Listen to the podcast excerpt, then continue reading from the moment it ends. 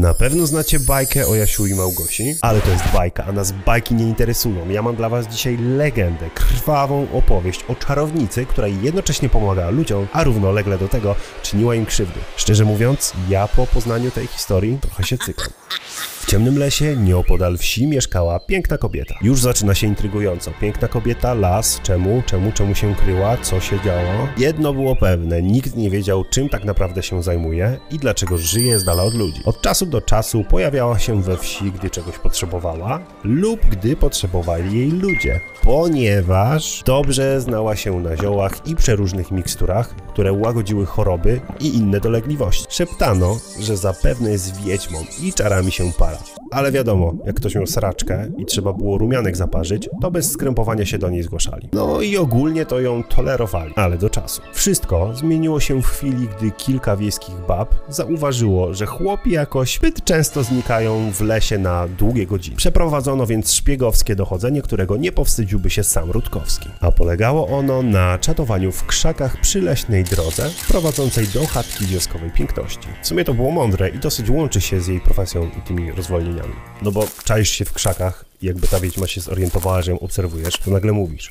Pa, pani wiedźmo, ja szedłem do pani po, rumianek, no, no, no, no sama pani widzi. No i ona jest zbita z tropu, ale najpewniej ci ufa, daje ci ten rumianson, no i jesteś uratowany. Ale okazało się, że na wyprawy do leśnej chaty wybierają się zarówno młodzi chłopcy, jak i dojrzali mężowie, a także nawet dziadkowie, więc nie jedna siekierka tam wojowała. Jak już baby zakończyły swoje badania, no to była drama, no były dymy, naprawdę działo się. Zazdrosne kobiety prawie zatłukły swoich chłopów i pod groźbą obcięcia sierpem zwisających naturalnych klejnotów, to są oryginalne słowa legendy, ogłosiły zakaz wchodzenia do lasu. Nie ma maniek, koniec, szlaban na las. Świat wracał powoli do normy, wydawało się, że jego kształt jest już taki jak niegdyś, ale jedna z najbardziej zajadłych kobiet postanowiła nie odpuścić leśnej wiedźmie takiej zniewagi.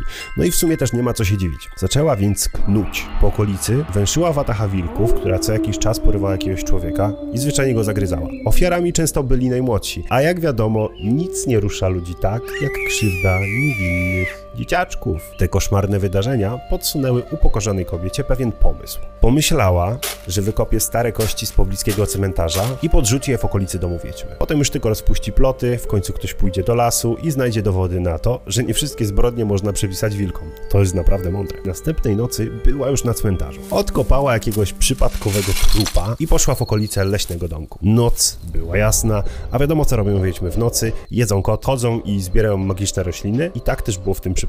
Przez to, że ten księżyc tak świecił, to kobieta widziała dobrze, że wiedźma wychodzi z domu w teren. W okolicy panowała cisza, a w cieniu budynku baba czuła się pewnie i w miarę bezpiecznie. Po cichutku otworzyła drzwi i wpełzła do środka, ciągnąc za sobą wórzko.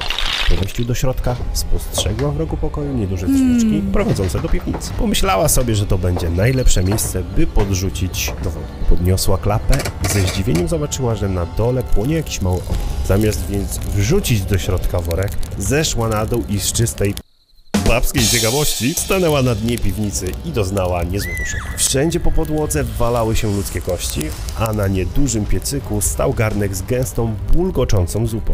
Baba nie mogła się poruszyć, gapiła się tylko w ten kocioł, z którego wystawała ludzka noga, a po powierzchni zupki pływały jakieś ludzkie oczy. Tuż za plecami przerażonej kobiety pojawia się nie wiadomo skąd czarownica. Nie przypomina już oczywiście tej leśnej piękności, która wzbudzała taką zazdrość u wiejskich kobiet. Była przygarbiona i pomarszczona, a do tego strasznie wychłodzona. Przypomina szkieletora z naciągniętą skórą. A jej piękne ubrania zastąpiły cuchnące szaty. Ostatnia rzecz, którą usłyszała przerażona kobieta, było chrapliwe, dobiegające niczym z grobu słowo. Gdybym wiedziała, że wpadniesz, wybrałabym więcej dzikiego czosnku. Kobiety już nigdy nikt więcej nie widział, a czarownica wraz ze swoją chatą zniknęła. Jakby nigdy jej nie było. Ludzie nie wiedzieli za bardzo jak to wytłumaczyć, więc tylko kręcili głowami. W końcu ktoś zauważył jednak, że wilki przestały atakować ludzi i od dawna nikt nie zginął. O czarownicach opowiadałem już wielokrotnie, na przykład w pierwszym odcinku na kanale, do którego was bardzo zapraszam, żebyście mogli ocenić, jak bardzo to poszło do przodu, albo i nie. Dajcie znać w komentarzach, czy macie jakieś czarownice w swojej okolicy, bardzo chętnie je poznam. Trzymajcie się, dobrego tygodnia.